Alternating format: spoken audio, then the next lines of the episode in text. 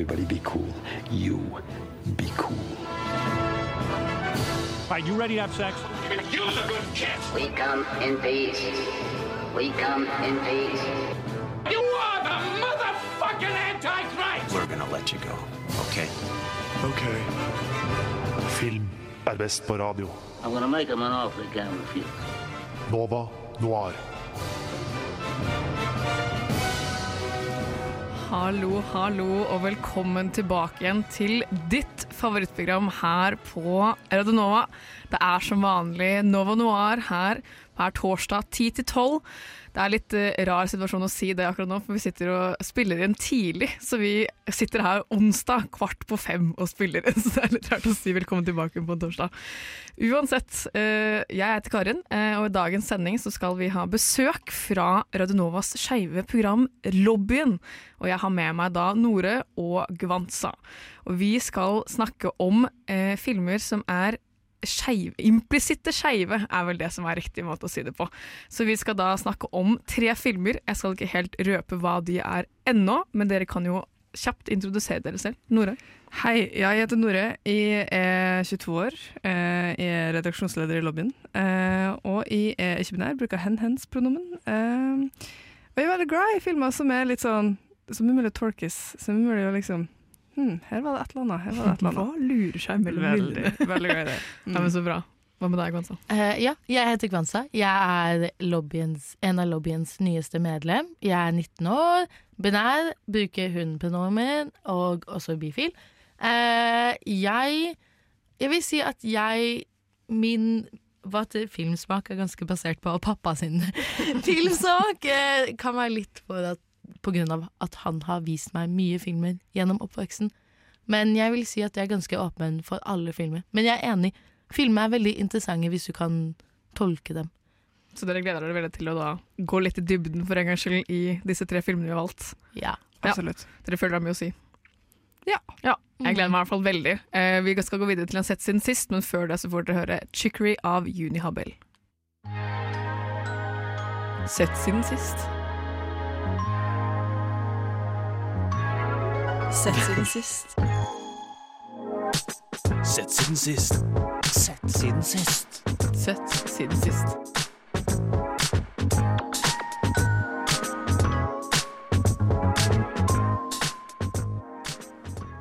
Vi skal nå over i vår faste spalte som vi har med hver eneste uke, og det er Sett siden sist.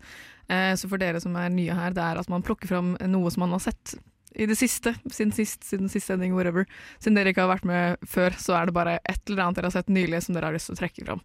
Så vi kan begynne med deg, Gwanza. Hva har du sett i det siden sist? Uh, jeg så den 'Everything Everywhere All At Once'. Er, er det det? Ja. Det er det den er Full av en tittel. ja, er så lang! Den er så lang tittel. Uh, jeg så den på et fly, så ikke ideelle uh, filmomstendigheter. Men jeg syns det var en fantastisk film. Eh, jeg følte at jeg følte hver eneste følelse man kan. Den var, sånn- den var trist, den var feeling, everywhere, all at once. Ja, alt. den var trist, den var rar, den var glad, den var alt mulig. Og det som var liksom punktet som fikk meg til å gråte, var at Filmen handler jo om det med parallelle universer.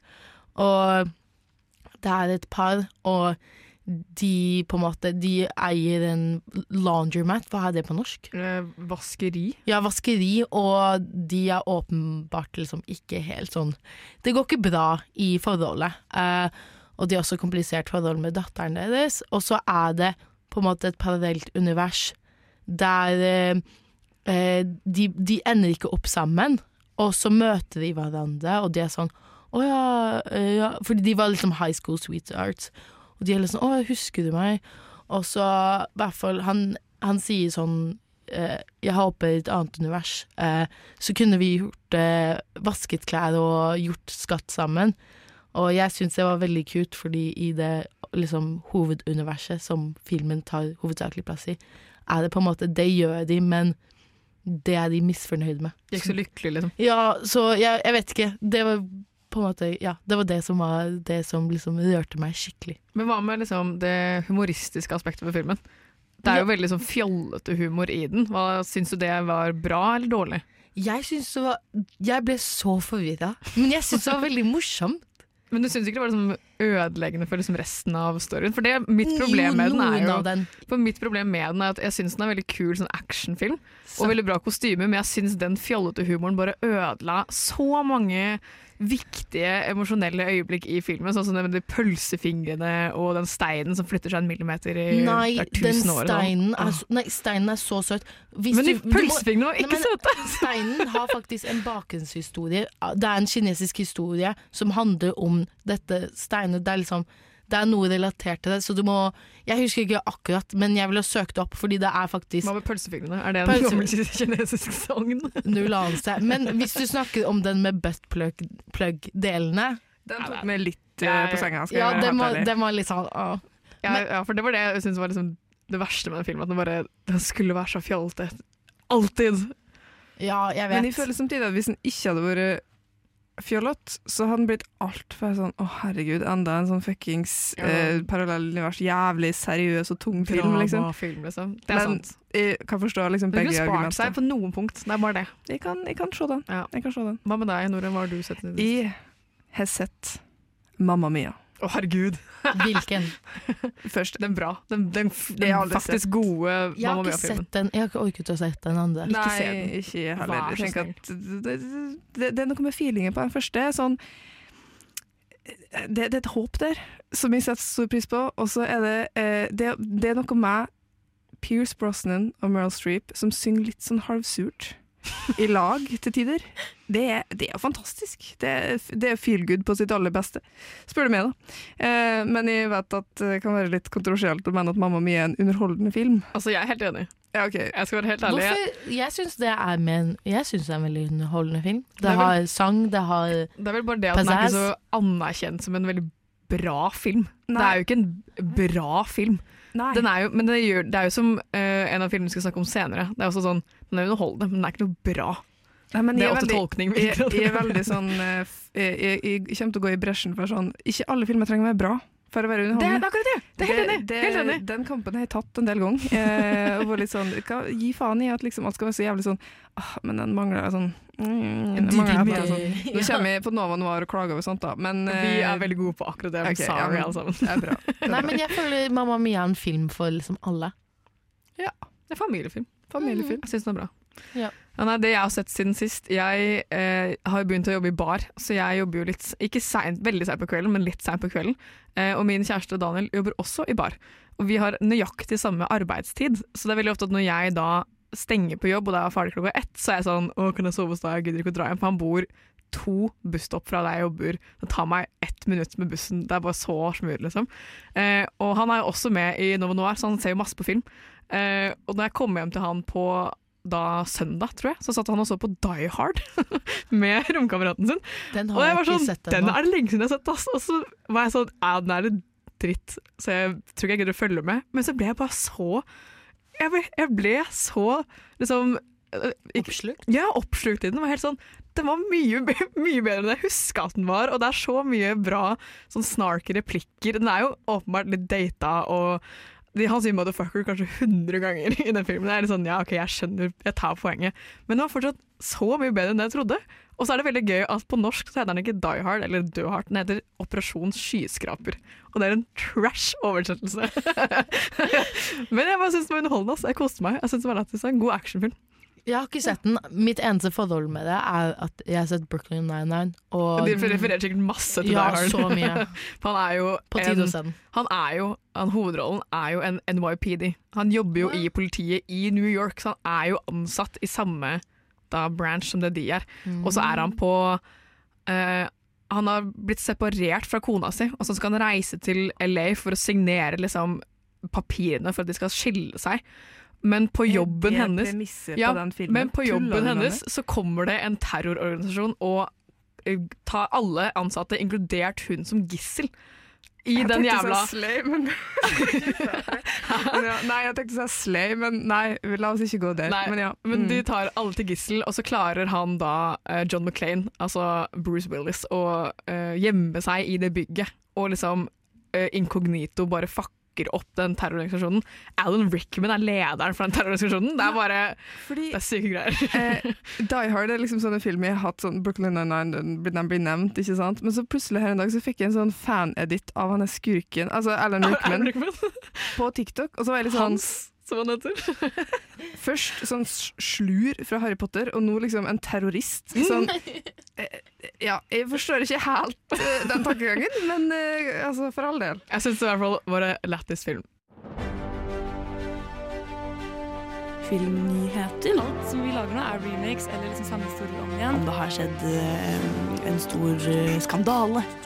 Film. Film. Film. Film. Film. Film. Film, film, film, film, film, film, film, film, film, film, film. Nyheter. Film filter, film filter, film til filmnyheter. Veldig nytt filmnyheter. All right, vi er videre i vårt eh, igjen faste spalte Filmnyheter, eh, og vi har med oss eh, et par nyheter. Jeg har i hvert fall med meg én. Eh, har dere med dere en? Eller i hvert fall kom, du kommer på noe nå, Jeg kom på Nora. noe, ja. som vi kan snakke om. Hva er det du har funnet? Tatt med deg? Eh, jeg så eh, Bros, Ja. den nye filmen Bros i helga. Um, og det var en film. Var den bra? Nei, Nei, den var fordi den var ikke Eller sånn Den høres veldig sånn Den heter Bros. Jo, jo, men, men, men tittelen er det minste problemet med den filmen. Eh, jeg vil nesten si at Hovedproblemet var at musikken var forferdelig miksa. Var den det? Eh, ja, den var helt forferdelig miksa. Sånn, på visse punkt så var det liksom sånn, du, du hadde en sånn eh, montasje, at de går ned i gata, så gjør de sånne søte ting som folk som holder på å forelske seg gjør. ikke sant? Nå spoiler jeg, da, kanskje, men i alle fall. Eh, og så bare er det en sånn, det er en sånn sang du ville hørt på en sånn heklevideo på YouTube, som bare blæsta over.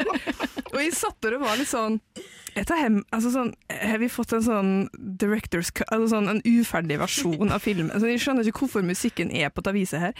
Også, men det var så rart, fordi på andre punkt så hadde de liksom sånn faktiske sanger. Sånn, de hadde jo en sang av Orwell Peck, King. eh, Ja, faen, Slay. ja, Faktisk Megaslay. Eh, de hadde jo en sang, og det var jo sånn oh, nice! Det her passer jo til liksom, stemninga, det passer jo til liksom, plottet i filmen. Men så er det ja, som sagt sånn hack... Sånn copyright-fri sånn drittsang som bare går over en sånn hat Altså, ja. Det sånn du finner sånn derre sånn der, What's in my bag 2014 YouTube-video? ja. er det sånn Ja. musikk? Det, det er faktisk verre. Det er faktisk verre. Så gøy. For jeg fant jo en, en uh, liten sånn overskrift på NRK om Bros, og Mm. det står uh, 'Homokomedie flopper, publikum for skylda'. Og da var jeg sånn eh, Mhm. What the fuck? For, la meg lese videre. For da har jeg så funnet ut at eh, den har fått dritdårlig billettsalg. Det er ingen som har gått og sett den. Sånn, jeg så én TikTok-video med en som var sånn 'Bros har den beste filmen jeg har sett i hele oktober'. Og så var jeg sånn Høres rart ut. Kanskje jeg må se den? Og så har jeg bare ikke giddet å sette den. Og så er det norsk festivalsjef har bare skrevet 'jævlig skuffende oppmøte'. Og så er det sånn, Men da må det jo bety at den er litt dårlig. Ja, fordi eh, Jeg vet ikke om det er samme artikkel, men jeg, las, jeg skumma en eller annen eh, lignende artikkel her om dagen, eh, hvor han Er det Billy Eichner han heter, han som er Ja, mm, det nikkes. Det nikkes. Um, Billy Billy on the Street.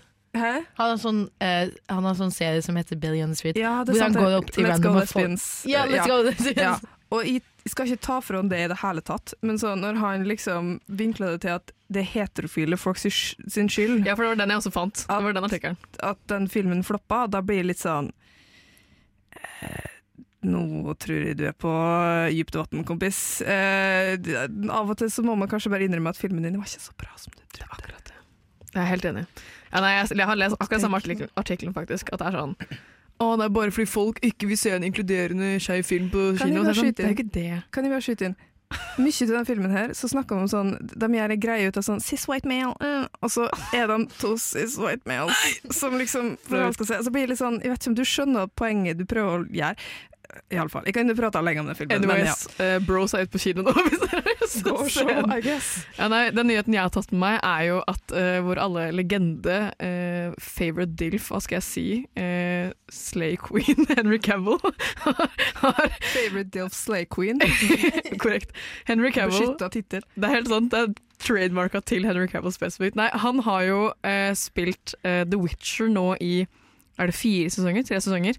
Eh, og har nå bestemt seg for å slutte som Geralt of Rivia. Eh, og det har jo fått fans til å bare klikke i vinkel, for han har jo ikke bare slutta.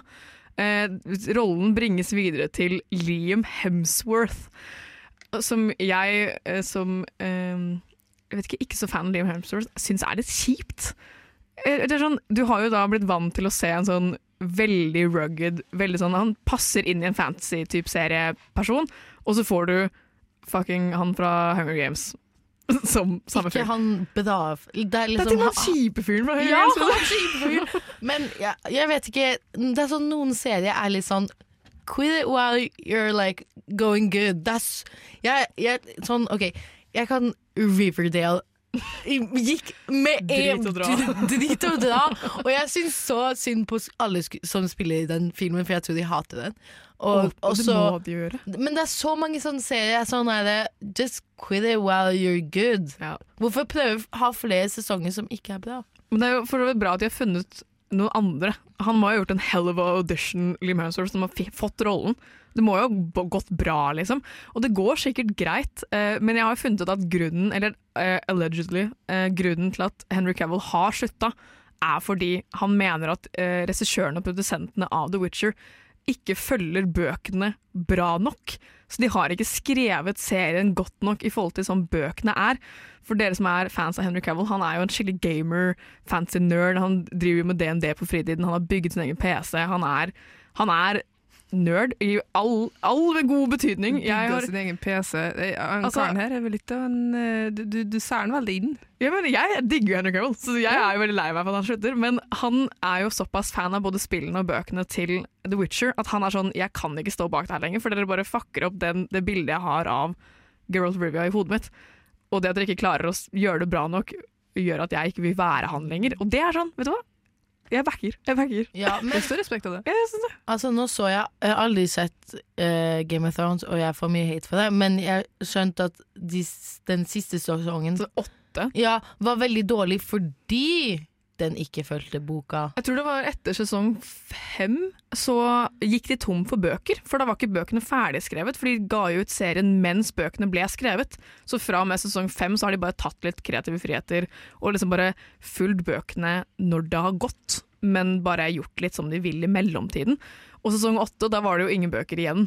Og så var det bare sånn, ok, vi bare vi winger det, liksom. Og så ble det bare så dårlig i forhold til det det pleide å være. Så det er helt sånn, det, det har bare gått skikkelig nedover, liksom. Så jeg tror at de burde ta, se på Game of Thrones og se hva som skjedde der. Quit it while it's good, som du sa. Nova Noir. Film på radio. Hver torsdag 10 til 12, eller i din podkast-app når som helst. Skal som sagt snakke om eh, implisitte skeive filmer i dagens sending, eh, og vi kan jo eh, allerede nå inn, eh, hva heter det, spoile hvilke filmer vi skal snakke om. Vi har nemlig da tatt med oss Dead Poets Society. Eh, Shout out til meg, jeg elsker den filmen. Hørt innslaget mitt om det for et par sekunder tilbake. I love it. Vi skal snakke om uh, Bend It Like Beckham og She's the Man. Det er de tre filmene. Og jeg sier allerede nå, det er spoiler alert. Vi kommer til å spoile alle filmene, og hvis du ikke har sett alle filmene uh, den nyeste filmen hadde kommet i 2006, så hvis du ikke har rukket å fått med deg disse tre filmene, så er det I'm sorry. Den er eh, 18, den er 16 år gammel, så I'm sorry. Det er et you problem. Helt riktig. Men uh, hva er det dere tenker på når dere hører liksom, implisitte skeive filmer? Mm, da tenker jeg på filmer som um, ikke er Altså, det høres jo teit ut, men som ikke er eksplisitt skeive. Fordi det er jo en del filmer som eh, I varierende grad, da, det skal sies. Jeg tror det, Vi kommer til å diskutere at det er en forskjell på Dead Post Society og f.eks. She's the Man. Ehm, men som De er liksom De danser litt rundt skjevhet, eller kanskje så hinter de litt til det, eller liksom inkluderer det på én måte, men de har ikke liksom eksplisitt skeive karakterer, eller skeive liksom eh, storylines, da. Jeg husker ikke det navnet på norsk, men i alle fall at det liksom Det blir en sånn ja, en liten dans rundt det, eh, som kan, som sagt, i varierende grad hvor, hvor mange hint eh, da det er.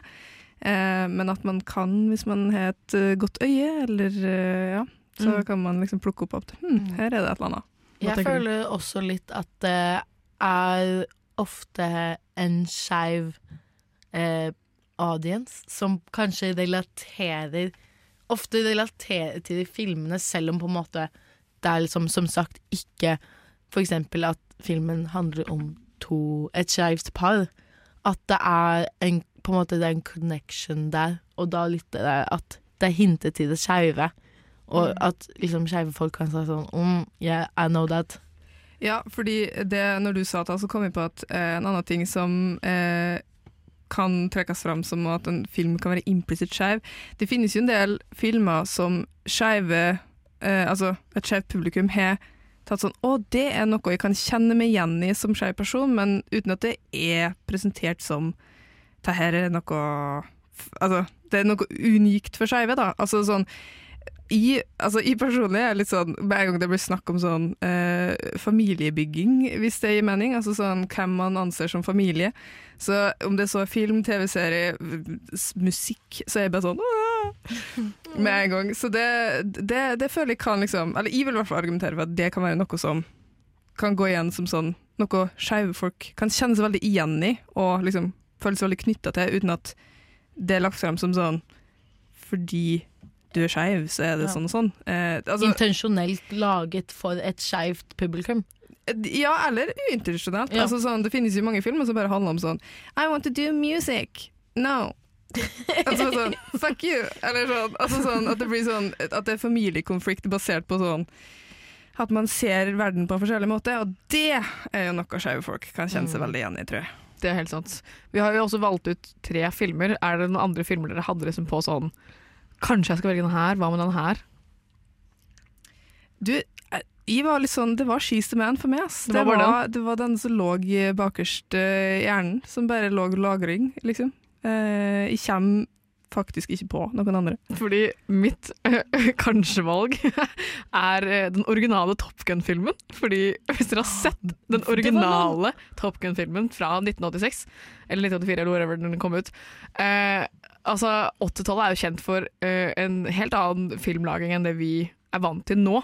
Eh, og jeg så Top Gun for første gang i våres, og var helt sånn Bro, alle de folka her er gøy. De står så nærme hverandre, alle er dritsvette, og de står alltid i bar overkropp sånn en millimeter fra hverandre. Og så hver gang de skal yppe med hverandre, så er de alltid sånn to centimeter fra munn til munn, liksom. Jeg blir sånn Hva er det Hva er det som skjer, liksom? Det, er liksom foreplay. Det er Ja. homoerotisk. Altså, Ja. jeg, jeg klager ikke. Men Det noen, opp, det liksom. var noen som sa til Noe var du der noen, noen sa det? Eller bare Jeg husker ikke om det var med deg eller noen andre. Men i hvert fall noen sa ja, dere burde snakke om Top Gun. Ja, det er så mange som er sånn Top Gun er litt, uh, er litt gøy, da. Og det er sånn, altså, jeg, jeg søkte på Letterbox sånn uh, implicit gay movies, og da var Top Gun på alle listene, liksom. Så det er jo, altså, folk har tolka det som det, og det er jo ikke reklamert som en skeiv film. Og det er jo ingen skeive karakterer i den. Men det er bare veldig gøy at det er så mange som har bare oppfatt, oppfattet det som en implicit skeiv film, for det er det vi skal snakke om i dag, og det syns jeg er litt gøy. Ja. Mm. Man kan jo også se på skulle si implisitt Implisitt Implisitte Nei, hva det heter jo filmer. eh, sånn som for eksempel Call, you my, Call Me By Your Name, nå klarer jeg ikke å snakke, er jo liksom en film som handler om et homofilt par, men det er veldig Samtidig så er det veldig sånn heterofilt. Og det er Jeg vil si at det er mye mer heterofilt publikum. At det har nådd med et heterofilt publikum enn et skeivt publikum. Ja, vi snakket jo litt om det nå uh, mens vi hadde låt. At det er jo veldig mange som ser på den og er litt sånn Og flott er litt dårlig, men estetikken er veldig bra, da. Den har ikke Mm. blitt tatt så godt imot fra i hvert fall det skeive miljøet, som jeg har eh, oppfattet det som. Og jeg snakket jo om den på en sending med lobbyen i fjor. Og fikk så backlash fordi jeg valgte den filmen. Og det er jo ikke fordi det er en så sykt bra liksom, skeiv story, for det er jo den er en uh, eksplisitt skeiv, men bare dårlig utført, liksom. Så den er, litt, den er jo implisitt heterofil, Ja. så det er jeg helt enig i. ja, nei. Ja. Nei, det, jeg tror eh, Så jeg har jo faktisk aldri sett Call Me By Your Name, men det er jo fordi ut ifra det jeg fikk servert hva plottet og hva det handla om, sånne ting, så tenkte jeg at det her er fullstendig uinteressant for meg. det finnes ikke en appeller i verden. Eh, så hvis vi skal være kvass, det er lov, som vi kan finne på å være, så er det en del av meg som tror at det er ganske mange som er veldig glad i denne filmen fordi den er i Italia. Ja, og den er bare estetisk pen. Er sånn, jeg liker den filmen fordi soundtrack er bra, og den er pen. Det er ikke Ja, storyen. Storyen klinger ikke eh, så godt i mine ører, og den er ikke så Jeg hørte jo på Jeg har lest boka tidligere, og så hørte jeg på den på lydbok nå nylig, og innså bare at den er skikkelig unødvendig seksuell. Sånn den, det er bare Ja. sånn suge kuk, ha sex, komme. Og jeg er alltid sånn wow, ro deg ned, liksom. Jeg blir sånn OK, jeg tar poenget. Jeg skjønner at du er 17 år og sexual awakening, whatever. Men eh, resten av Det er jo mye sånn tanker og filosofiske liksom, approaches som er sånn ja, OK, jeg kjøper det, men det holder ikke.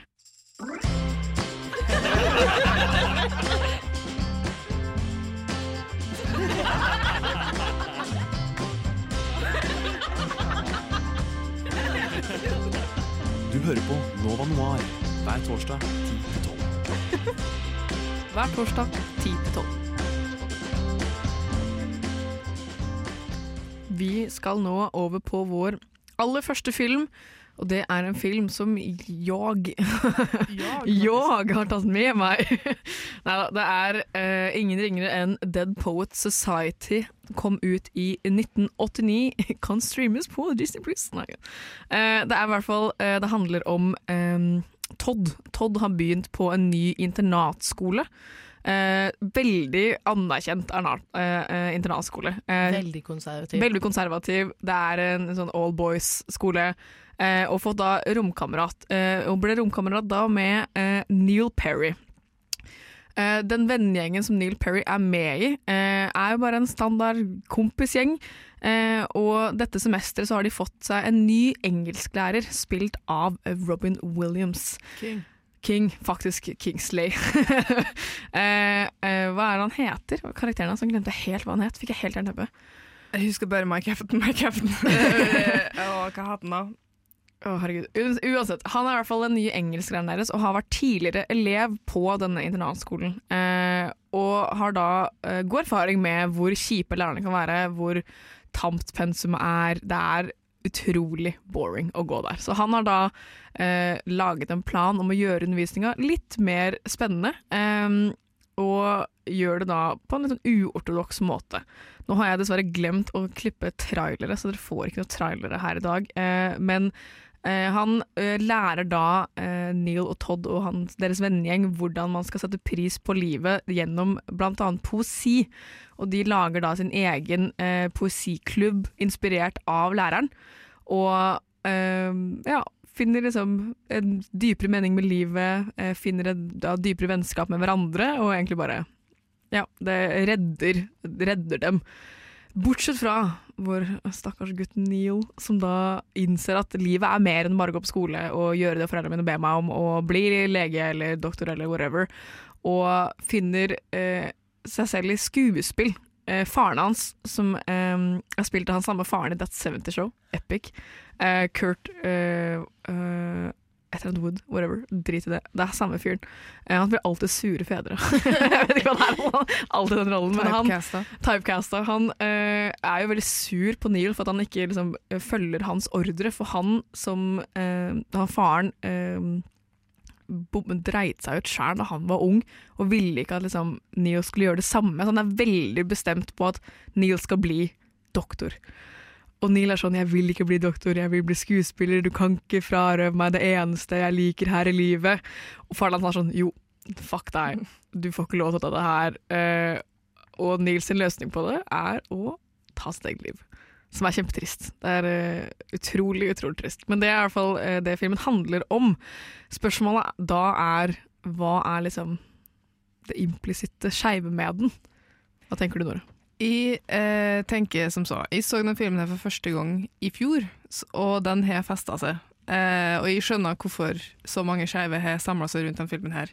Eh, for det første så er det jo, eh, og det glemte jeg å si i stad når vi snakka om konseptet implisitt skeive filmer, noe som kan trekke eh, skeive folk til eh, filmer som ikke nødvendigvis er eksplisitt skeive, er at eh, Altså, hva skal jeg si Altså sånn homososiale eh, Hva skal jeg si Relasjoner. Ja, eller homososiale arenaer, på et vis. Altså sånn Det finnes jo en del eh, fortellinger satt i I hvert fall hvis du tenker på sånn at det, det er bare menn. Det er liksom Det er gutteskoler, det er internat, det er eh, altså militære. Altså sånn eh, Det er en del sånne områder, arenaer, hvor det bare er menn. Eh, og da eh, Altså min tolkning da er, det at hvis det i sånne fortellinger blir på en måte rom for at her bygges det relasjoner, nære relasjoner, eh, så sånn som det skjer, altså sånn som skjer i Dead Poet Society, så kan det liksom eh, det, det kan, Du kan bygge opp under litt sånn nære relasjoner i homososiale arenaer. Hmm. Hmm. Noe litt suspicious about det. ja, altså, ikke nødvendigvis, men sånn, hvis det er um, Ut ifra måten det er presentert på, så kan man tolke det i en skeiv retning. Eh, og det har jo veldig mange gjort med Dead Poets Society, da. Eh, og det er jo Neil og Todd. De fleste trekker fram, ja. Ja. For det er jo, eh, de er jo romkamerater på skolen, og blir da litt bedre venner enn i de andre kompisene i den gjengen. Eh, og da Neil eh, dør, og de andre finner ut av det, så er jo Todd helt fra seg, helt ødelagt, reagerer veldig mye mer og kraftigere enn de andre gjør. Og eh, det man kan jo nesten tolke det som at eh, sånn som skuespill er for Neil, er det Neil er for Todd, på en måte. Eh, så han har jo også funnet Han er jo veldig sjenert, Todd. Er jo, jeg spiller Ethan Hawke, by the way. Eh, er jo veldig sjenert og snakker ikke med så mange og tør ikke å liksom, utagere på noen som helst mulig måte. Og sier bare ja og er veldig pliktoppfyllende. Og så har han funnet ut at livet er mer enn som så, gjennom Neil. Og når Neil da er død, så er han sånn Hva gjør jeg nå? Han var jo den eneste redningen jeg hadde. Eh, og det, det er jo Han reagerer så mye kraftigere enn det de andre gjør, at man tolker det som en veldig dypere eh, kobling mellom de og en sånn dypere connection de hadde, som de andre eh, guttene ikke hadde med hverandre. Ja, og jeg tenker også litt det der med eh, Neil som opplever at faren ikke, ikke forstår han, eh, og sånt er Jeg vet ikke, det er noe litt sånn Jeg føler mange skeive kan relatere til det. Ikke nødvendigvis bare skeive, men veldig sånn at foreldrene ikke helt forstår. De eh, forventer visse ja. ting av deg som du ikke kan oppfylle. Ja, at det er veldig sånn der, følelsen av å bli misforstått eh, Mm. er noe mange skeive opplever av foreldrene deres. Så jeg føler også det er noe med den der. Og hvertfall Og nå skal jeg ikke si at det er vel eller, Teater er, det er litt, noe litt skeivt med Det er teater. som å spille korps, liksom. ja. Av erfaring. Jeg har gått spilt i korps i liksom 13 år. Jeg vet akkurat åssen det er. ja, men i hvert fall ikke bare være i teater, men ha veldig sånn passion for teater. Liksom. Liksom, ja, han er veldig sånn Han, er, han elsker teater og vil gjøre, er villig til å gjøre alt for teater. Det er bare noe litt skeivt med det, syns jeg. Jo, nei, men jeg er helt enig med det du sier, Kwanza. Jeg tenker jo at sånn, En ting er den der kall det den skeive assosiasjonen man ofte har til teater og sånn, eh, men en annen ting er jo hvordan Altså, jeg som skeiv person har jo lyst til å tolke måten far til Neil reagerer på, som en slags sånn Oi, hva om sønnen min er skeiv? Typ, liksom.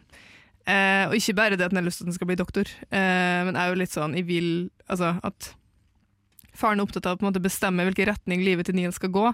Eh, og kall, altså hvis det eksplisitte er at han ikke har lyst til at han skal bli skuespiller, at han, skal, at vil at han skal bli lege, så kan det implisitte være det at ved å velge et mer kreativt Ved å velge en mer kreativ retning, så kan han stå i fareferd og liksom Utsatt for ja. eh, Da velger han ikke det A4-livet, ikke sant? Og det er noe med å velge barn og Nettopp. standard jobb og Mm. hus med hvitt gjerde, whatever. Ja, typ det. Alle tre, og så kommer Edmund og bare What the fuck? Og, har du sett Parasite? Ja. Har du sett Parasite? Du vet når hun gjør den der, den der den huskeringen sin? Å, shit, shit. N- Nova Noir.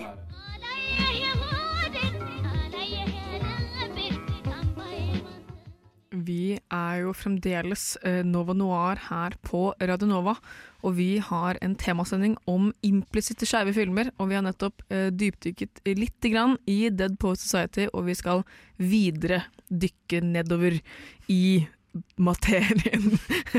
Veldig djup film, eh, tilsynelatende. Altså, den, altså, jeg syns jo egentlig det.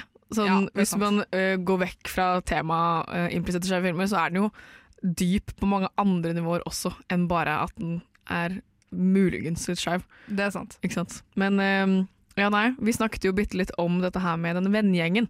Men det er jo ikke eh, kun det som er å snakke om. Er det noe mer dere tenker at er liksom implisitt skeiv med den? Mm, altså, hvis vi skal ta det veldig sånn eh, eh, breie strøk, kan vi vel si, da. eh, broad strokes. Eh, norvagisme. Men iallfall. Eh, det at det kommer liksom no, Jeg husker heller ikke navnet på Robin Williams sin karakter, men han læreren. Engelsklæreren. At han kommer inn i et veldig sånn fastsatt system. Eh, Veldig sånn stramme rammer for hva man skal gjøre, og hvordan man skal oppføre seg, og hva man skal tenke og hva man skal føle. og sånne ting. At han kommer inn og er sånn Hva om nei? ikke er sånn. Hva om nei? Eh, hva om vi liksom tenker kreativt? Altså sånn Men jeg er veldig enig. Ja. Ja. Det er, han sier sånn Jeg tror det, det er sånn en av de første timene, og han snakker om Jeg vet ikke den måten han snakker om litteratur Han er sånn eh, Poetry, uh, love, that's what we live for. Eller nei, det er grunnen til vi Jo, det er grunnen til vi må leve. Han sier jo liksom at uh, det er jo veldig uh, beundringsverdig å bli liksom uh, ansatt i bank, advokat, lege, whatever, men poesi det er det som vi lever for, og det som setter liksom en mening til livet. Og du var inne på det der med at skuespill er litt skeivt. Jeg syns også det å være poesifanatiker er litt skeivt. Ja, det må jeg ærlig innrømme. Det er jo samme Altså, det er jo eh, en gren av det samme, på en måte. Ja, og veldig sånn på en måte være litt det med å være rebelsk og gå imot strømmen. Um, at på en måte han gjør noe helt annet enn hva liksom hele den skolen som er veldig ortodoks og veldig by the book, og så kommer han og får dem til å rive bøkene deres, liksom. Eh, jeg, tror, jeg føler også liksom I hvert fall jeg kjenner meg veldig igjen med det rebelske å, være skeiv, og være rebelsk, liksom, og gå mot strømmen. Det er også det å liksom tolke fram noe annet, og allikevel finne en mening i det som klinger for deg. Jeg syns også det eh, passer veldig godt til det med at det skal være eh, skeivt. For det er jo eh, Poesi er jo opp til tolkning for hvem som helst. Og du kan tolke det på hvilken som helst måte du vil, og det er ikke noe feil måte å tolke det på. Eh, og det syns jeg er veldig god uh, Hva heter det? Uh, Analogi? Analogi, takk. Til liksom det å være skeiv. For det er ikke det at det er noe feil, det, men det er bare en annen måte du Det er din måte, det er din riktige mm. måte å tolke det på, og det er ikke noe feil med å tolke det på den måten. Andre folk hadde kanskje ikke tolket det sånn, men det er heller ikke noe fasitsvar på det. Og det syns jeg er veldig god, et godt budskap. Mm. Ja, fordi det er det jeg føler, og da blir det ekstra sånn tydelig når da rektoren og liksom skolen da, eh, for øvrig kommer inn og sånn Nei, det her, eh, det her blir anarki, vi kan ikke ha anarki, vi må ha veldig sånn eh, vi må, vi må ha våre rammer, vi må ha våre liksom Sånn skal man tolke det diktet. på Ja, for de måte. har liksom de reglene, de fire søylene, basically, som de sier på starten av filmen, om hvordan skolen er, og hva de eh, verdsetter, og hvordan det fungerer. Og det første Jeg fått ut hva han heter. Det er Mr. Keating. heter han. Keating, ja. Eh, han er bare sånn riv ut introduksjonen, drit i det her, du kan ikke måle poesi i X og Y-graf. Og når han da får sparken, så får de da en annen lærer, han er sånn Les introduksjonen, det er en fantastisk introduksjon til hva poesi er, og hvordan man kan måle hva bra poesi er. Og det er bare sånn rett tilbake igjen til liksom eh, sånn skikkelig streng struktur. Eh, og poesi er ikke en X og Y-graf med budskap og lengde betyr bra og fint dikt. Det er jo bare helt tullete, liksom. Ja, og jeg kan, jeg kan Eller jeg, man kan, mange skeive kan jo sikkert relatere til det med å føle at man blir plassert i en boks man ikke tilhører, og eh, kan ofte føle at de blir tvunget i denne boksen og prøve å bryte seg ut. Og eh, det er jo de guttene uh, som Neil og, de, og Neil og Todd er venner med, de er jo på en måte Nå sier jeg ikke at alle de kanskje er litt skeive, men de prøver jo veldig hardt å komme seg ut av noe de blir tvunget i. Noe de føler de ikke tilhører i. Mm, det er helt sant. Og så um, det du sier om at de får jo den nye uh, Når han Keating mm -hmm. får sparken, så kommer det en som er like konservativ som resten av skolen, på en måte. Eh, Han og er da, vel rektor, tror jeg. ja, ikke sant. Ja, det er sant, det er han rektoren. Ja. Enda bedre, har jeg tenkt å si. Men eh, fordi da blir det liksom sånn Hvis jeg husker rett, så sitter de jo der, da, den, i hvert fall den vennegjengen, da. Sitter og liksom er sånn nå har vi på en måte, For nå har de på en måte fått en smak på hvordan det kan være. Og det er- kan være en sånn skeiv analogi, føler jeg, fordi med en gang du, du, du blir liksom presentert sånn Sånn er det, sånn skal det være A4, ikke sant? Og så kanskje får du av en eller annen grunn så får du en sånn stikkvei og bare sånn Men hva om det ikke skal være sånn? Hvis da noen liksom kutter den veien, så er du jo klar over at den fortsatt eksisterer. Det er sånn at Du får en, en dråpe av liksom, livets eliksir, Mhm. og så får du ikke noe mer. Liksom. Og du vet jo at det fins, og du har jo Mhm. smakt på det, og du veit liksom at åh, det her er mye bedre enn den, det vannet vi får til vanlig. Liksom. Og så er folk bare sånn nei, du skal drikke vann, ingenting annet. Det er kun vann du får. Og så er man sånn men det fins jo noe annet å drikke, liksom. Ja, og da tenker du bare på det. Det er akkurat det. Du, det er ikke sånn at du slutter å tenke på det. Uh, og hvis du slutter å tenke på det, så er det ikke, det, er det ikke noe. Jeg vet ikke. Det er jo Det er ikke sant? Hvis det smakte sånn, eh, det er greit, jeg liker vann, da, men sånn Ja, ikke sant? Det er jo, ja, OK, sure. Det er, ja. Jeg skal Eh, vi dro den metaforen her ut, men ja. Mm. Men dere skjønner hva vi mener. Ja, nei, jeg må jo også si at uh, Mr. Keating, eller John Keating, har jo også uh, Kan man også tolke som litt sånn Er du også skeiv? For han, det er jo han som har Han har jo også gått på skolen. Og det var han som begynte dette, eh, den poesiklubben som de eh, guttene eh, laget på nytt. Og han ble jo Jeg tror han ble utvist for det når han var elev. Når Keating var elev. Men han har jo ikke sluppet fra seg den tanken ever. Og han kommet tilbake igjen og blitt ansatt på skolen for å kunne viderebringe det budskapet til de nye elevene. Så det er jo noe han har opplevd selv som klinger veldig godt for han, og så er han sånn jeg må fortelle andre om det. Hva om andre kjenner seg igjen i det? Og det gjør jo disse guttene. Og det er jo øh, Jeg vet ikke, jeg synes det er Spread veldig the Spread the good message of gayness. G- ja, akkurat. The gay agenda. ja, nei, jeg vet ikke. Jeg bare syns han er en veldig god karakter. Ja. Mm. Ekstremt holdsom. Yes, da har vi eh, gått veldig dybden på eh, Dead Poet Society og dens eh, implisitte skeive temaer og tematikker. Vi skal videre til neste film, som er Bend It Like Beckham, eh, og dere får høre What The Hell Is Wrong With Me av Darag.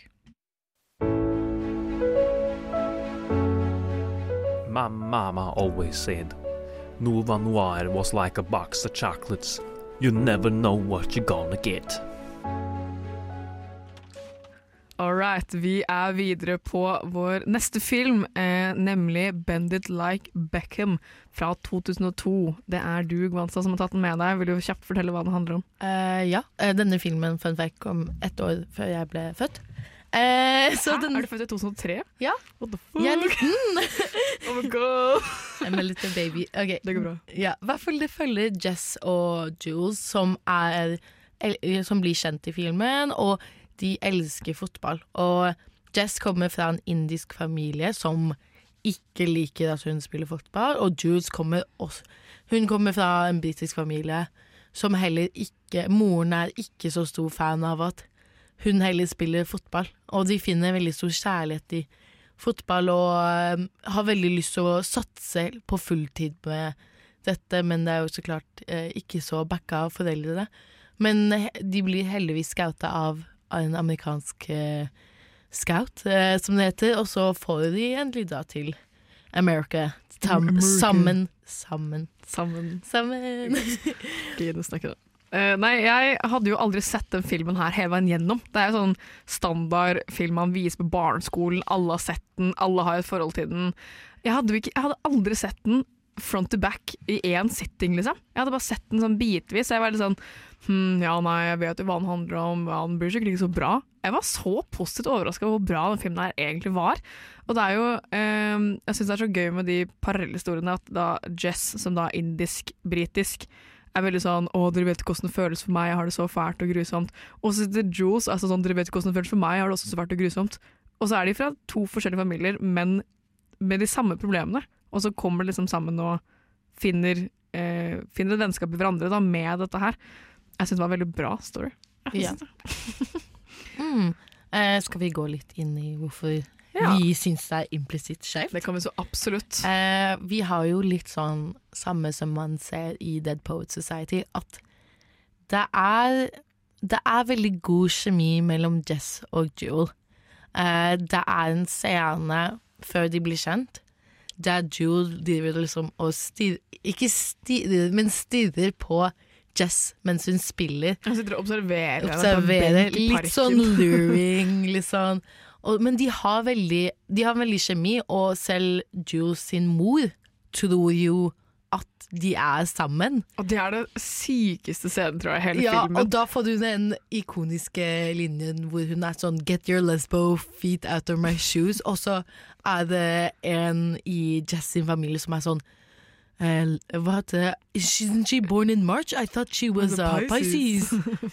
og så en annen Ja, og så en annen she's, she's not Lebanese, she's not Lebanese. Så, men det er fordi de har jo en em, trener som heter Joe, som Jules er litt småforelska i. Men eh, fordi de drar på cup i Tyskland, og da kysser Jess og Joe nesten. Og Ja, veldig viktig å presisere nesten. nesten. De kysser ikke, og Jules blir veldig sjalu. Fra hennes vinkel så ser det ut som de råkliner, mens i virkeligheten, fra da seerens eh, perspektiv, så kliner de er jo nære til å kysse, men de kysser ikke. Så Jules har da uh, innbilt seg at de kysser, og blir så hjerteknust og tror bare at nå er vennskapet over. Hvordan våger Jess å å liksom for, Hva heter det? Uh, forrå meg? Forrede meg? Whatever. Ja, forræd. altså- Forræde meg på denne måten, og blir bare dritsur på henne. Og så overhører da moren til Jules at Jess og Jules krangler. Men hun tolker det som at Jess har knust hjertet til Jules fordi de er sammen, og ikke fordi Joe Fordi hun har ikke fått med seg at Joe er med i dette love triangle i det hele tatt. Så hun tror jo bare at dattera hennes er lesbisk, og klikker. Hun går i full eksistensiell mode. Helt sånn Hva gjør jeg nå? Hva har jeg gjort for å, for å ø, oppdra en lesbisk datter? Og blir bare helt fra seg, liksom. Og jeg fikk så I'm sorry, hun mora fikk jeg så avsmak fra. For hva er problemet?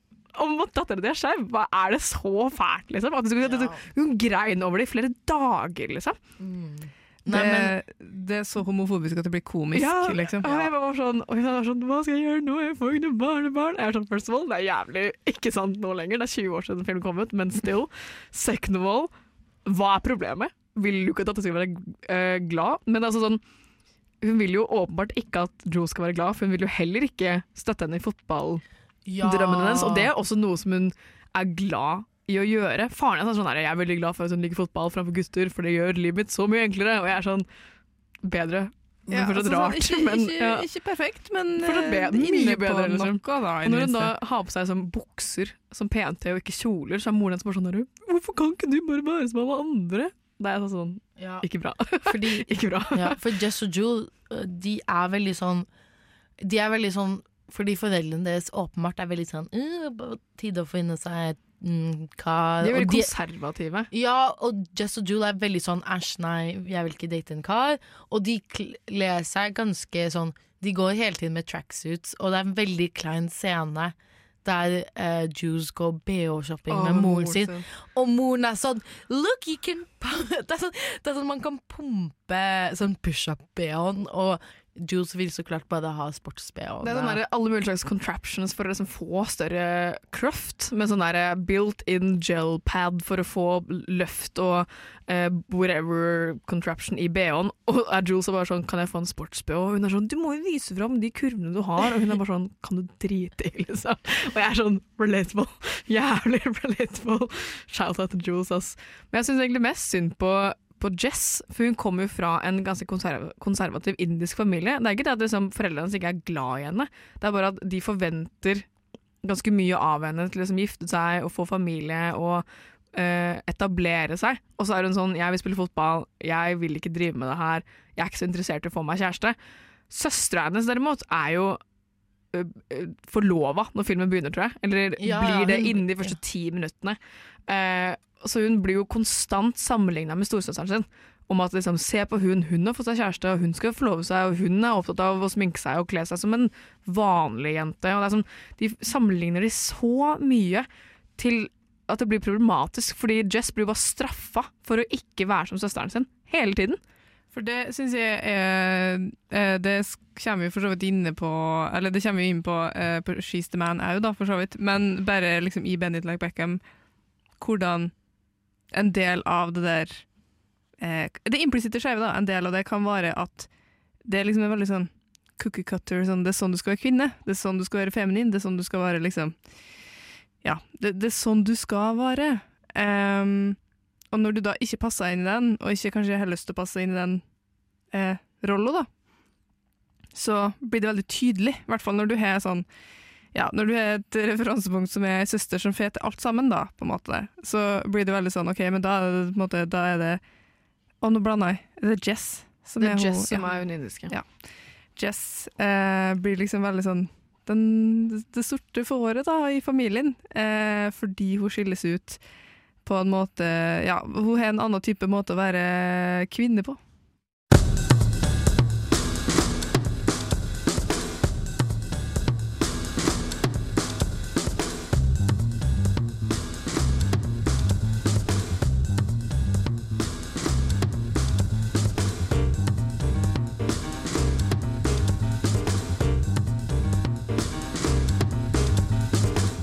Lytter til Nova Noir hver torsdag 10-12 eller på podkast når du vil. Vi skal, eh, som eh, jeg jeg gjentar fra forrige gang, vi dypper dypere ned Dypper, dykker dypere ned i Den setningen der har det Den i- sliter jeg med, ass! ja. Jeg klarer ikke, jeg må finne på noe annet å si. Men vi skal i hvert fall dykke dypere ned inn i Bendred Like Beckham. Og vi var jo kjapt inne på eh, denne relasjonen til Jess og Jules. Men også han treneren deres, Joe. For det er jo et slags eh, love triangle, litt kjærlighetsdrama mellom disse. For man finner jo ut at eh, både Jules og Jess er forelska i Joe. Eh, men Joe har da virker som litt historie med Jules, men er veldig betatt av Jess. Men greia med det er at det er så tvunget. Jeg vet det. Det er ikke kjemi der. Det er, men det er sånn Når du ser filmen, det er sånn den, den er så tvunget, det der relasjonen mellom Joe og Jess. Det er bare fordi han er en eh, sånn eh, 2000 heartthrob med blå øyne, og så har han blitt casta i den filmen der. Og så er det bare sånn Dere skal være forelska i hverandre. og så er det bare sånn OK. så det, det kan være dårlig skuespill, da. Men jeg er også enig med deg at det er litt sånn Det hadde ikke måttet ha Det her er en unødvendig del av plottet, liksom. Det er jo sånn, Jeg skjønner at de skal bli liksom sammen, og de satser på å bli sammen, og hun reiser til USA, og han er sånn 'Det er ikke så lenge igjen til jul, jeg gleder meg til du kommer tilbake', en bla, bla, bla plotline, liksom. Men det er fortsatt sånn Jeg syns det hadde vært bedre om hun bare hadde reist til USA alene, og vært sånn 'Nå skal jeg endelig chase my own dreams', og være selvstendig dame, liksom, uten at en eller annen dude skal faktisk være med på det, liksom. Skjønner du hva jeg mener? Sånn, det skal alltid være en fyr. Det skal alltid være en fyr. Det tror jeg du oppsummerte veldig bra. Det, var det, det er egentlig hele poenget på det jeg skulle si. Og det er at um, veldig mange sånne tidlig 2000-tall, eller sånne, sånne type filmer, da, kan vi vel si, har liksom allveg en fyr Uh, som skal være liksom sånn uh, love interest, da. Uh, og, som, som er en del av pakka, antar jeg. Altså sånn ja, det Starter pack. ja, sånn hetero starter pack, eh, liksom. Du skal, ha litt, du skal ha aspirasjoner, greit, du kan ha litt aspirasjoner, men helst så skal du bare være interessert i å bli sammen med en fyr. Og det skal alltid være sånn der, løsningen på alle problemene er å bli sammen med en eller annen dude. Og så er det sånn Nei, kan ikke jeg bare være selvstendig kvinne eh, eller selvstendig person som bare vil leve mitt eget liv litt, og så kan vi heller bli sammen når jeg har liksom gjort meg ferdig med det? Hvorfor skal det alltid være løsningen? Jeg vet ikke. Men i hvert fall, jeg bare føler i denne filmen så er det så tvunget. Men, og det er ingen kjemi. Men de som har kjemi, er åpenbart liksom Jess og Jules. Jules, ja, de er jo bestevenner. De er, Hallo! og de skal liksom flytte til, til De reiser sammen til USA, og det er liksom Jeg vet ikke. Det er Jeg er litt sånn Jess Nei, jeg, jeg tenker litt sånn Jules, er du egentlig sjalu at Jess kysser Joe, eller er det Joe du egentlig er sjalu på fordi du har lyst til å kysse Jess? Det er også en scene når uh, Jess nettopp har blitt med på fotballaget, og hun innser at alle jentene skifter i samme garderobe. Og hun bare friker ut. Hun er sånn 'Å, så mye nakne damer', og alle Ja! går uten bh, og alle kler av seg rundt meg, og hun bare sitter og skifter under T-skjorta. Jeg var sånn Hun sitter liksom og titter rundt seg hele tiden, og er sånn oh, shit', men hun bare alltid sånn 'Ikke se på meg, jeg skifter under her'. Jeg synes det var litt sånn Jeg kan relatere til den, som jeg var ung. I hvert fall. Ja, det er jo en ting som kan leses. Altså sånn, det, kan, det kan leses på forskjellige måter. Det kan leses på den der sånn Plutselig så blir man sånn Ja. kropps... eh. Eller ja, kroppsbevisst. Men det er jo at man kanskje blir litt sånn Oi, her var det OK, det her føles rart. Hvorfor føles det rart, liksom? Ja, det det. Men det er også det som er spennende med Benedict Beckham, er at det er den eneste filmen av de vi har plukket ut der det er med en eh, karakter som faktisk kommer ut som skeiv. Eh, man kan jo alltid liksom, eh, anta og gjette seg fram til og alt mulig, men i Benedict Beckham så har jo Jess en kompis som heter Tony, som faktisk kommer ut som homofil til Jess. Og det er jo tommel opp Ja, fra min fordi. Jess er jo eh, hun, Grunnen til det heter Like Beckham, er jo at hun eh, ser på Beckham som en rollemodell. Og jeg synes, også noe jeg syns var litt interessant, at det var, hun så på han som en rollemodell. Det var ikke liksom den derre uh, han er kjekk, men liksom veldig sånn bare rollemodell. Um, Sånn idol. Idol, ja. Ja. Og de snakker, det er Jess og Tony som snakker sammen, og Jess er sånn uh, I really like uh, hva, Hun sier sånn I like Beckman. Jeg tror det er sånn, Hun sitter og snakker om liksom, hvorfor hun vil så fælt til USA, og så er hun bare sånn Nå kan jeg få en ordentlig sjanse til å spille fotball, og ingen har liksom gitt meg en sjanse før, og nå kan jeg endelig lære meg å bli som Beckham, for det er jo ingen som kan bend it like Beckham, er det hun sier. som sier liksom tittelen Mm. i den eh, replikken, og så svarer Tony sånn ja, nei, jeg liker også Beckham. Og hun er sånn ja, selvfølgelig, alle liker Beckham, og han er sånn nei, nei, jeg liker Beckham. Og så får hun bare sånn derre Hun er sånn derre The moment dawn upon me-type fjes, og jeg er sånn Å ja. Og så er han bare sånn Det er derfor jeg ikke kan uh, et eller annet med det her. Og, altså derfor han uh, ender opp å fri til henne på slutten. For da får hun da en løsning for fotballproblemene sine, og han får en løsning med å da være skeiv i en familie som ikke kommer til å støtte han som skeiv i det hele tatt. Ja, fordi det er jo veldig vanlig i indiske familier med Uh, hva heter det, planlagt ekteskapet. Mm. Um, og Arrangert da- ekteskap. Arrangert ekteskap, ja. uh, og da går, de, går han med Jess og er sånn Ja, vi har forlovet oss, eh, og liksom på én betingelse at Jess kan gå og, eh, til USA. Og da Mm. blir det på en måte hverandres beards, kan man si.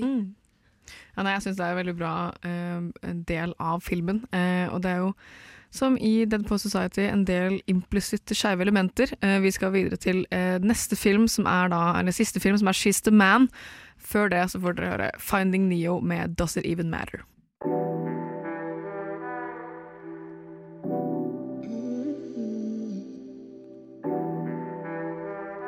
Nova. Nova. Noir. Har du fucka med noen filmer i det siste? Har du fucka med noen filmer i det siste?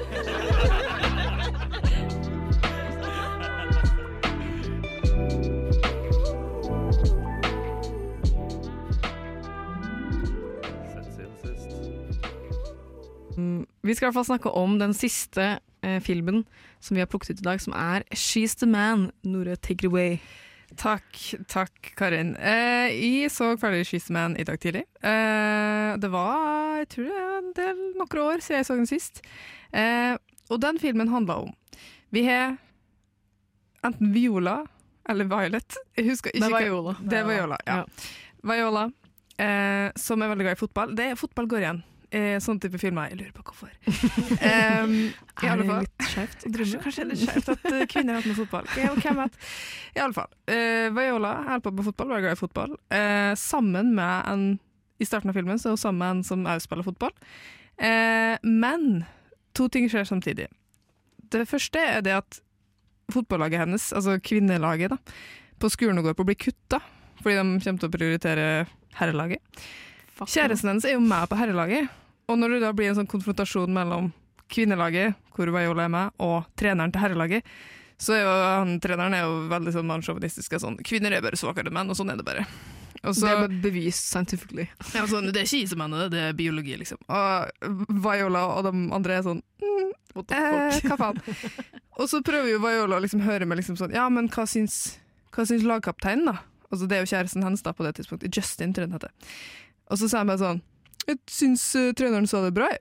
Og da slår jo hun opp med han, fordi hun er sånn Nei takk. As she should. As she should. Og han hadde sagt tidligere at uh, hun var mye bedre enn alle på guttelaget, så Og så turte hun ikke å si det foran alle kompisene. Ikke sant. liksom. Veldig hyklerisk. veldig hyklerisk. En liten, uh, liten skittig fyr, det. Men iallfall. Løsninga hun da finner, fordi hun er jo veldig glad i fotball, liksom satser på fotball, det er at hun skal utgi seg for å være tvillingbror sin, som heter Sebastian, som hun sa. Um, fordi, som går på en annen skole. som går på en annen, han skal begynne på en annen skole. Um, så da, Uh, ved hjelp av sin frisørvenn, Paul Antonio Epic navn. Epic navn. uh, som er ekstremt queer-coda, uh, by the way, Um, så fiksa hun parykk. Hun fiksa sånn falske sånn koteletter. Sånn ja, ja, sånn attmed øret, liksom. Eh, og han sminka henne tydeligvis, noe jeg ikke helt skjønner hvordan funka. Hun... Lim på sånn øyenbryn på henne også? Ja, falsk, ja, falske øyebryn og falske sånne kinn-skjegg-greier. Um, Sideburns, er ikke det Ja, det faktisk. jo, men jeg husker ikke Jeg kaller det koteletter, men i alle fall. Um, ja, så, og så I tillegg da, så bruker hun selvfølgelig bandasje til å binde liksom, eh, eh, puppene sine ned, noe som ikke er anbefalt, by the way. Ikke gjør det. Um, så da, utkledd som bror sin, for han stikker av til London, for han skal bli rockestjerne eller noe sånt, eh, så utgir hun seg for å være bror sin da, på den nye skolen. Og da får hun en romkamerat som heter Duke. Hva mer han heter dette navnet, det husker jeg ikke, men Duke han blir spilt av Channing Tatum. Um, det er veldig viktig for meg. det sa noe om karakteren. Er- Ja, fordi han er som typecasta, er det det du mener? Sånn jock, liksom. Ja. Channing Tatum.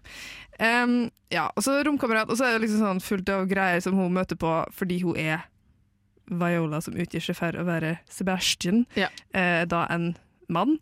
Eh, blant annet, liksom, hun kan jo ikke dusje sammen med dem på fotballaget, og eh, ja, fullt av sånn en del ting hvor hun eksempel sier sånne ting som ei jente kunne sagt, men så reagerer jo andre på det fordi at 'hæ, du er jo gutt', ikke sant.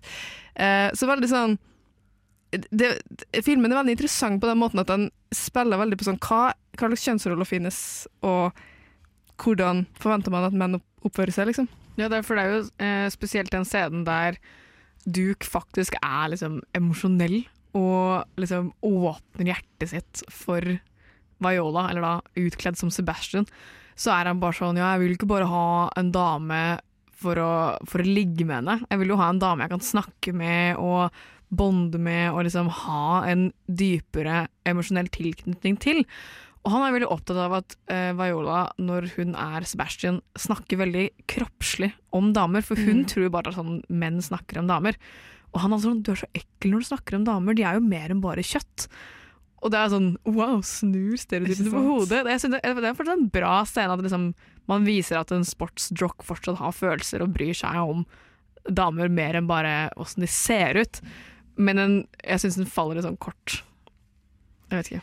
Ja, hvor faller den kort for det? Nei, for det, eh, jeg vet ikke. Det er bare så, jeg, det er så forventa. Det er så Ja. sykt sånn typisk sånn Å, selvfølgelig har han en dypere, et dypere lag, og Mm. selvfølgelig har jo Viola misforstått alle kjønnsrollene. Eh, Nå som hun forkler seg som en gutt, liksom. Ja, men jeg tror um, For det syns jeg er Det er det som er, når vi kommer inn på det, det som er implisitt skjevt Altså, drag generelt er jo skjevt. Uh, Hollywood er jo kjempeglad i å kle ut liksom ett kjønn som et annet. Jeg tenkte å si, eller sånn, De er veldig glad i at folk skal kles ut som et kjønn. Um, som et kostyme. Som et kostyme, absolutt. Det skal sies at Viola er opptatt av å faktisk liksom passere som bror sin, da, og det gjør hun jo. De oppfatter henne jo som gutt og som mann. Um, og ja, altså det, altså det er jo en karakter som heter Olivia, da, uh, som forelsker seg i Viola som Sebastian. Uh, og det blir jo òg en sånn ting som Viola liksom må forholde seg til. Liksom, jeg er jo ikke interessert i Olivia på den måten. Uh, jeg er jo egentlig interessert i Duke på den måten, ikke sant? Og det, det er jo altså sånn, det er en del scener hvor Duke og da Sebastian, det er jo Viola, I gåstegn, men, ja. ja, i gåstegn. Eh, de blir liksom sånn Det er et eller annet som skjer mellom dem. Ja, for de har jo veldig god kontakt. Mm. Og Duke sier jo det at sånn, å, jeg kan ikke snakke med noen andre sånn som jeg gjør med deg. Og det er jo en, en gang eh, da Viola og Duke er på treningssenteret, og Ja. eh, Viola er fortsatt Sebastian eh, i store deler av filmen. Og så tar det som sånn derre high five bro-hilsen, og så blir den altfor lang. Og de Ja. klemmer hverandre altfor lenge, og hun Ja. bare slider liksom hånda si ned og bare groper av på treningssenteret. og han er sånn «Øh, Ikke ta på meg! Det, det er mer at hun nesten groper han, tror jeg. jeg tror, hun, hun stryker handa si ned ryggen hans, oh. som er kjempemerkelig. Eh, Og det er jævlig og- Ja, det er kjemperart. Sånn, ja, det til sides, eh, har jeg tenkt å si. Men eh, en annen scene er jo der hvor de hvor Duke liksom er sånn Åh, jeg har så lyst til å For han er jo forelska i Olivia da i starten. Eh, så han er sånn Jeg vet liksom ikke hva jeg skal si, jeg føler jeg sier allveg sånn noe dumt når jeg skal prate med ei jente. Og så da sier Ol- øh, Olivia, men Viola som da Sebastian uh, sier liksom sånn OK, men uh, vi kan gjøre sånn skuespill. ikke være jente. Og så bare legger hun jo om stemma si til liksom en litt eh, lysere versjon av sin egen naturlige stemme. Sånn 'Hello, my name is Viola'. Mm, ikke sant? Og Han da, sånn, «Ikke gjør det, jævlig skummelt! det er så komisk, fordi da reagerer han sånn 'What the f... Eller 'You sounded just like a girl', then, liksom. Og så vi som ser er sånn Det er ikke så stor forskjell på den stemma og den hun har som Sebastian, men eh, det går fint. Og så ender det jo med at det en at Det blir så ut av kontekst hvis du ikke har sett filmen, men det kommer en sånn uh, Hva heter den edderkoppen? Eh, eh, Hva heter det? Holdt på å si kantarell.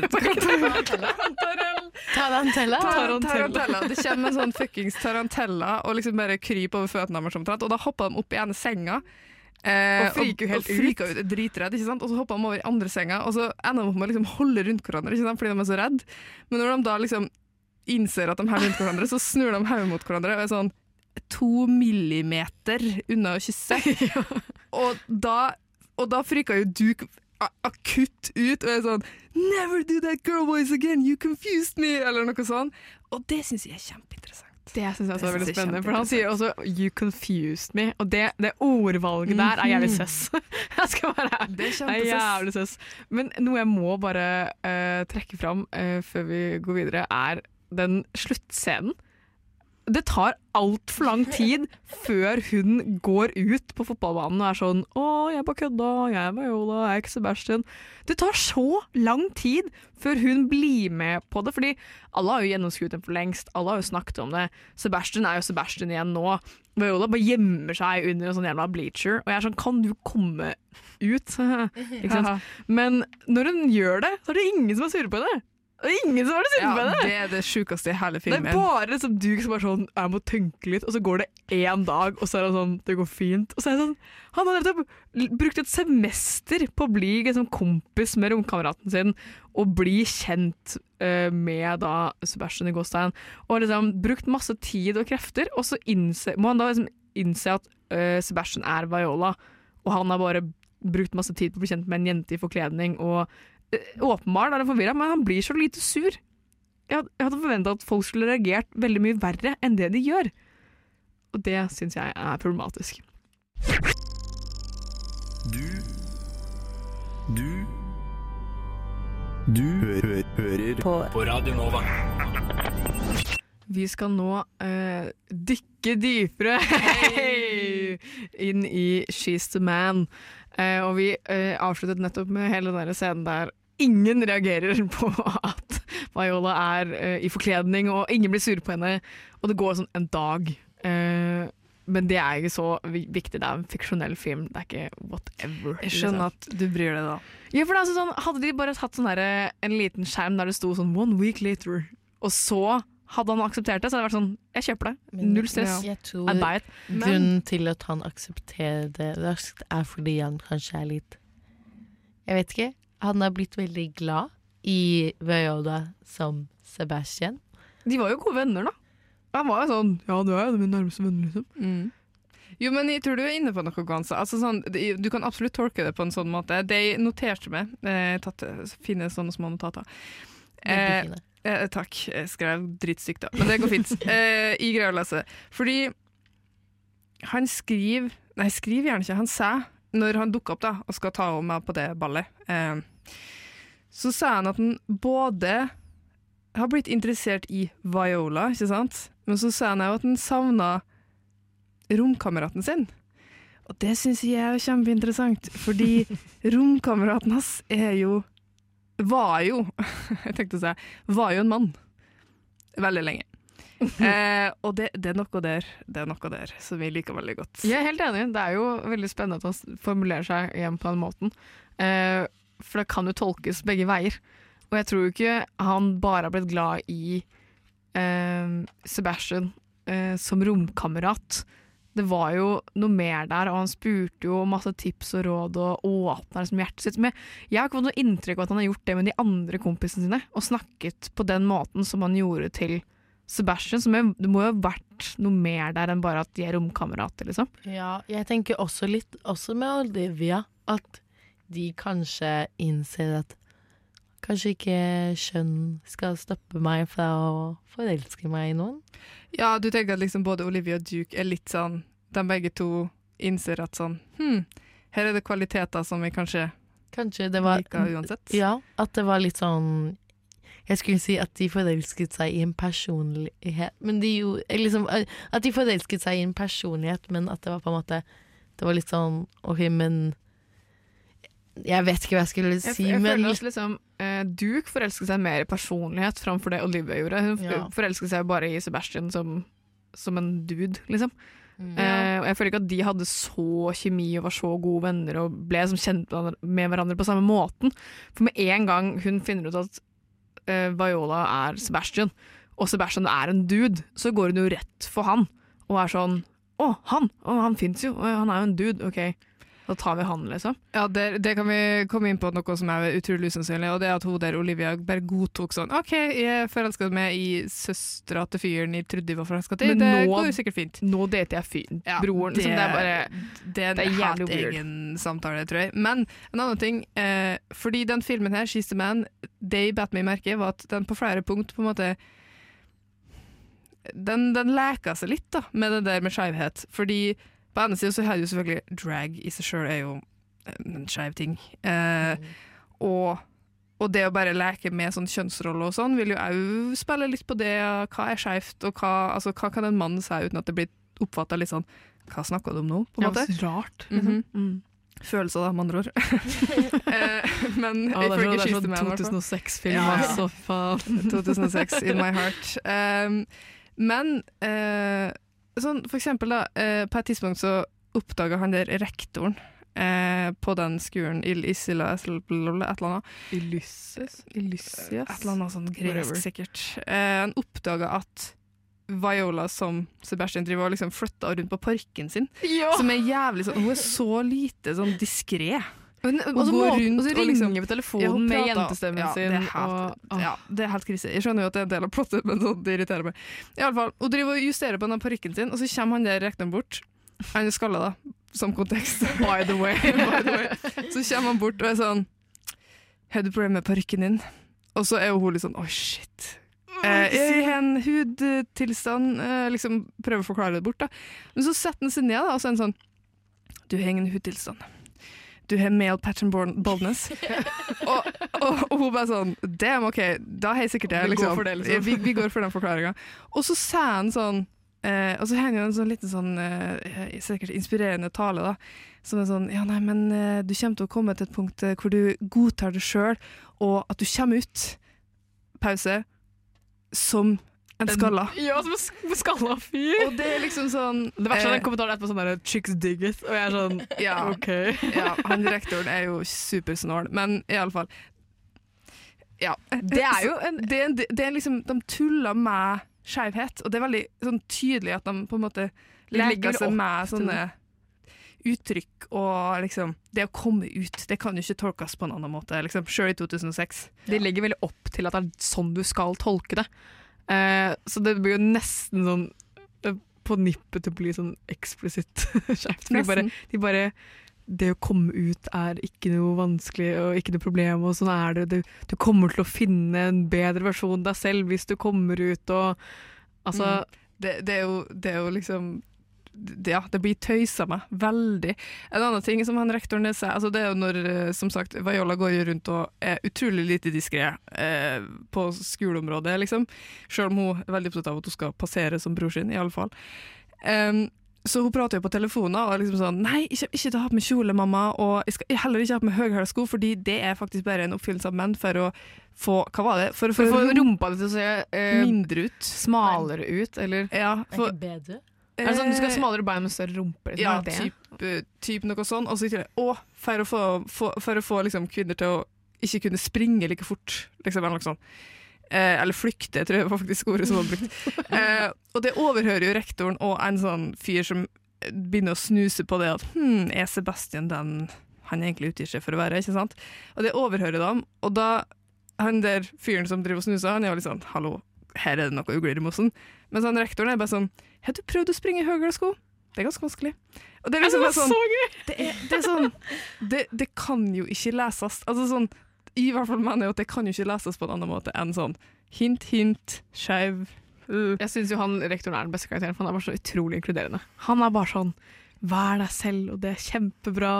Og det er ikke noe problem med å ha andre interesser og, og uttrykke seg på sin egen måte. Det er bare veldig bra om du aksepterer det selv. Og jeg er sånn, vet du hva?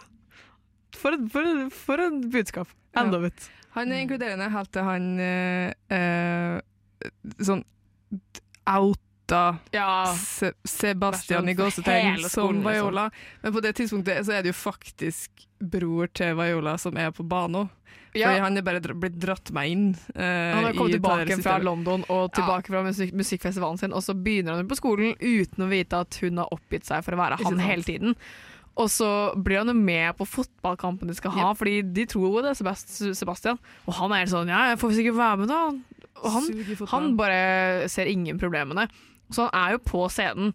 Og da er jo han rektoren litt sånn søss, fordi han er bare sånn 'Det her er ikke han dere tror dere er, det her er Viola, søsteren hans', og bare Ja. outer han. Så da- han er sånn 'hva faen'? Ja, fordi det er en sånn, den scenen og det jeg, jeg, jeg tror første gang jeg så filmen, så tenkte jeg ikke på den scenen på den måten. Men sånn, nå i, nå i senere tid, eh, så er det bare sånn Det å bli sånn outa som Kall det fæl kjønn, eller du skal, hvordan du skal formulere det. Eh, not it. Eh, veldig ikke, ikke greit i det hele tatt. Absolutt. Eh, så selvfølgelig, altså i den scenen der, da, så ender jo han bror til Viola med å være sånn 'Jeg er gutt', og så sier rektor sånn 'Nei, det er du ikke'. Og så viser Han må flashe litt kuk. Han flasher kuken sin eh, for å liksom bevise da, at han er en cis-mann. Eh, og så er alle sånn OK. Og så fortsetter fotballkampen, liksom. Eh, Sånn, ja, det er greit og fint, det, men sånn hvis man skal. Altså sånn jeg ble litt stressa likevel, eh, fordi bare tanken på var sånn Du er ikke det du utgir deg for å være, du er eh, din lille trans Altså sånn, Ja. det er sånn bare sa det rett ut. Det, det er egentlig helt forferdelig, men Ja. sånn, det funka jo i filmen da, heldigvis. men sånn, ja. Ja, nei, sånn er det. Vi har nå i hvert fall gått inn i da tre filmer vi har plukket ut. Vi har snakket om She's the Man, Bend Like Beckham og Dead Poets Society.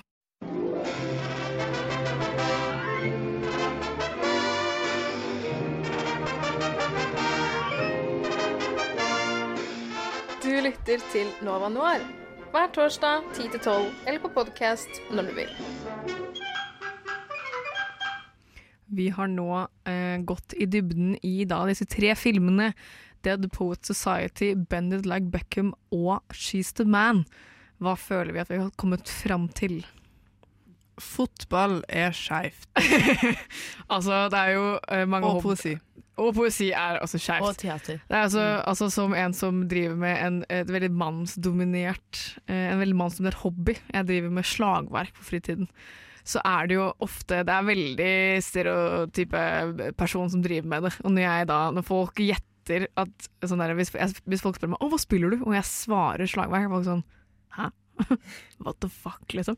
Så jeg kjenner meg liksom igjen i det at liksom, noen hobbyer er for noen folk. Det burde jo ikke være det, men det er sånn, de bruker jo fotball som en sånn Det her skal ikke damer drive med. Det kan være litt sånn Hva er det for noe? Mm. Jeg vet ikke.